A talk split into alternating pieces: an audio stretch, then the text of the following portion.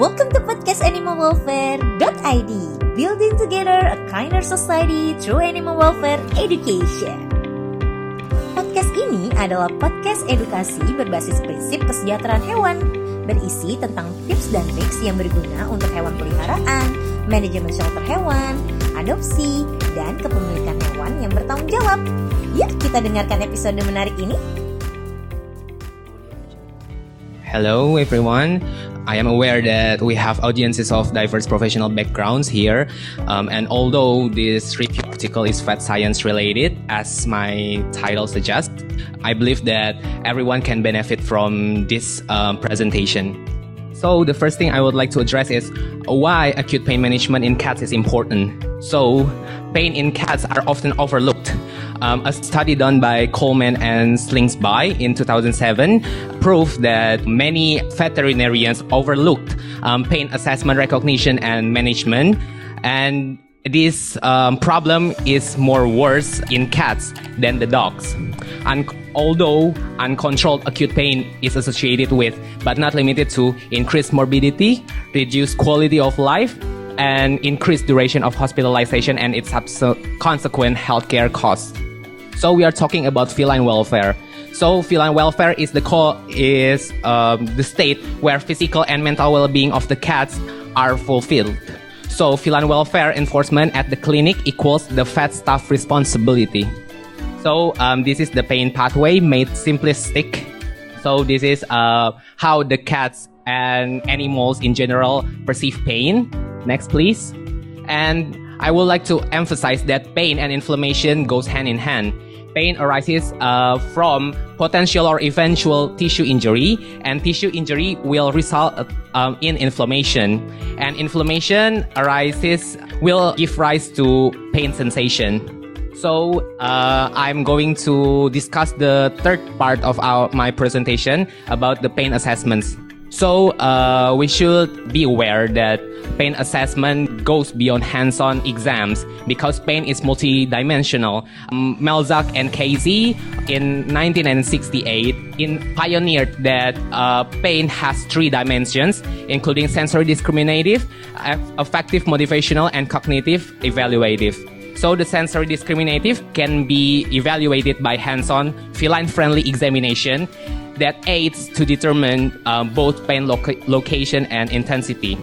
And for the affective motivational um, aspect, um, the unpleasantness uh, experienced by the cat can be assessed by the use of pain metrology instruments. And also, we have to uh, involve the owner because um, the owners are often more sensitive in changes in behaviors of their cats. Um, and for the third aspect, cognitive evaluative is indeterminable because we couldn't evaluate the cognitive alteration in cats when they are in pain. So um, these are these are the common behaviors of painful cats. However, please uh, do take note that these behaviors are non-specific. However, presence of more than one signs of this behavior may indicate pain, which should become a tip of information for further evaluation. So I'm going to discuss about three validated uh, feline specific pain metrology instruments that can be used to aid a more subject, um, objective um, assessment of pain. So whichever tool is used, training of all veterinary staff is strongly advised. And for a pain assessment tool to be both validated and used, it needs to be valid so it can assess the parameters. So um, the parameters can distinguish between the painful and non-painful cats. So it needs it also needs to be reliable because um, it will be used repetitively and it should reproduce the same, more or less the same result. So these are the three metrology instruments that I have uh, mentioned before. There are three of them, which are um, EPS SF, Glasgow CMPSF, uh, and the FGS uh, with the abbreviation of those abbreviation. So this is the UF, uh, UFEPS SF. Um, it is the only uh, validated pain instrument uh, that has several languages. So how to use this? So each subunit scores are going to be summed Then evaluation starts by uh, observing the cat in relaxed position before you approach to more intrusive or invasive assessments such as palpation. And newer study indicated slightly variable inter-rater reliability based on level of experience. So I should, I couldn't stress this enough that training is essential. So the cutoff value, which is the statistically derived sum of all scored components that, if reached or even surpassed, warrants the use of rescue or interventional analgesia, is 4 uh, out of 12. False positive have been reported in cats receiving ketamine-based anesthetic procedure or protocol. So the second um, pain measurement is the Glasgow CMPSF. It included facial components of pain. So it has also uh, the study has also reported that um, the inclusion of facial components increased pain discriminatory ability among different observers. The second pain metrology instrument to be validated conducted in a more diverse clinical setting. The cutoff value is 5 out of 20 or above. And to use this pain assessment tool, each item is scored and then it's going to be summed just as like the previous uh, pain instrument.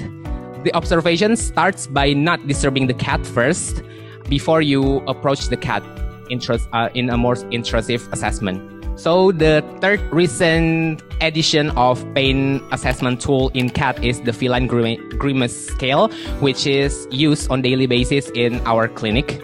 So other grimace scales are available and have been validated for use in other species such as horse, rats, and rabbits. It also has an application which can be used by non-vet users such as the clients themselves. So the, the FGS focused on linear distances between specific facial landmarks, orbital tightening, and whisker position. However, please to take note that brachycephalic breeds are confounding to be assessed by this metrology. And to use this instrument, each visible action unit is rated and if the action unit is inconspicuous or inapparent, score is given zero. So the cutoff value for this um, pain instrument is 4 out of 10 or above. So this is an example of our cat. Okay, that he presented with um, hematuria. Um, the, the first time he was presented on our cli- at our clinic, he scored 7 out of 10 based on our FGS evaluation. And after rescue analgesia, uh, the pain score has reduced to uh, 6 out of 10. Although uh, it's it is still considered that the, ca- the cat is in pain, uh, we do see that uh, the use of our rescue analgesia based, based on this uh, assessment helps um, reduce the pain perceived by the cat.